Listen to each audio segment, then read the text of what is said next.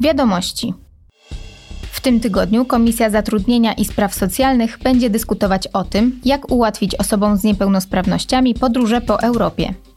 Służyć temu mają specjalne karty: Unijna Karta Osoby z Niepełnosprawnością oraz Europejska Karta Parkingowa.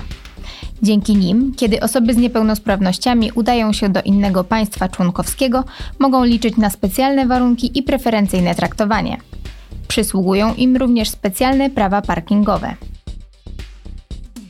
W czwartek Komisja Gospodarcza i Monetarna przeprowadzi wysłuchanie publiczne z udziałem kandydata na stanowisko przewodniczącego Europejskiej Rady Konsultacyjnej do spraw zarządzania statystyką. Kadencja obecnego przewodniczącego upływa z końcem stycznia. Nowym kandydatem, którego zaproponowała Rada, jest Alfred Camilleri. Posłowie zagłosują nad jego kandydaturą w czwartek po wysłuchaniu.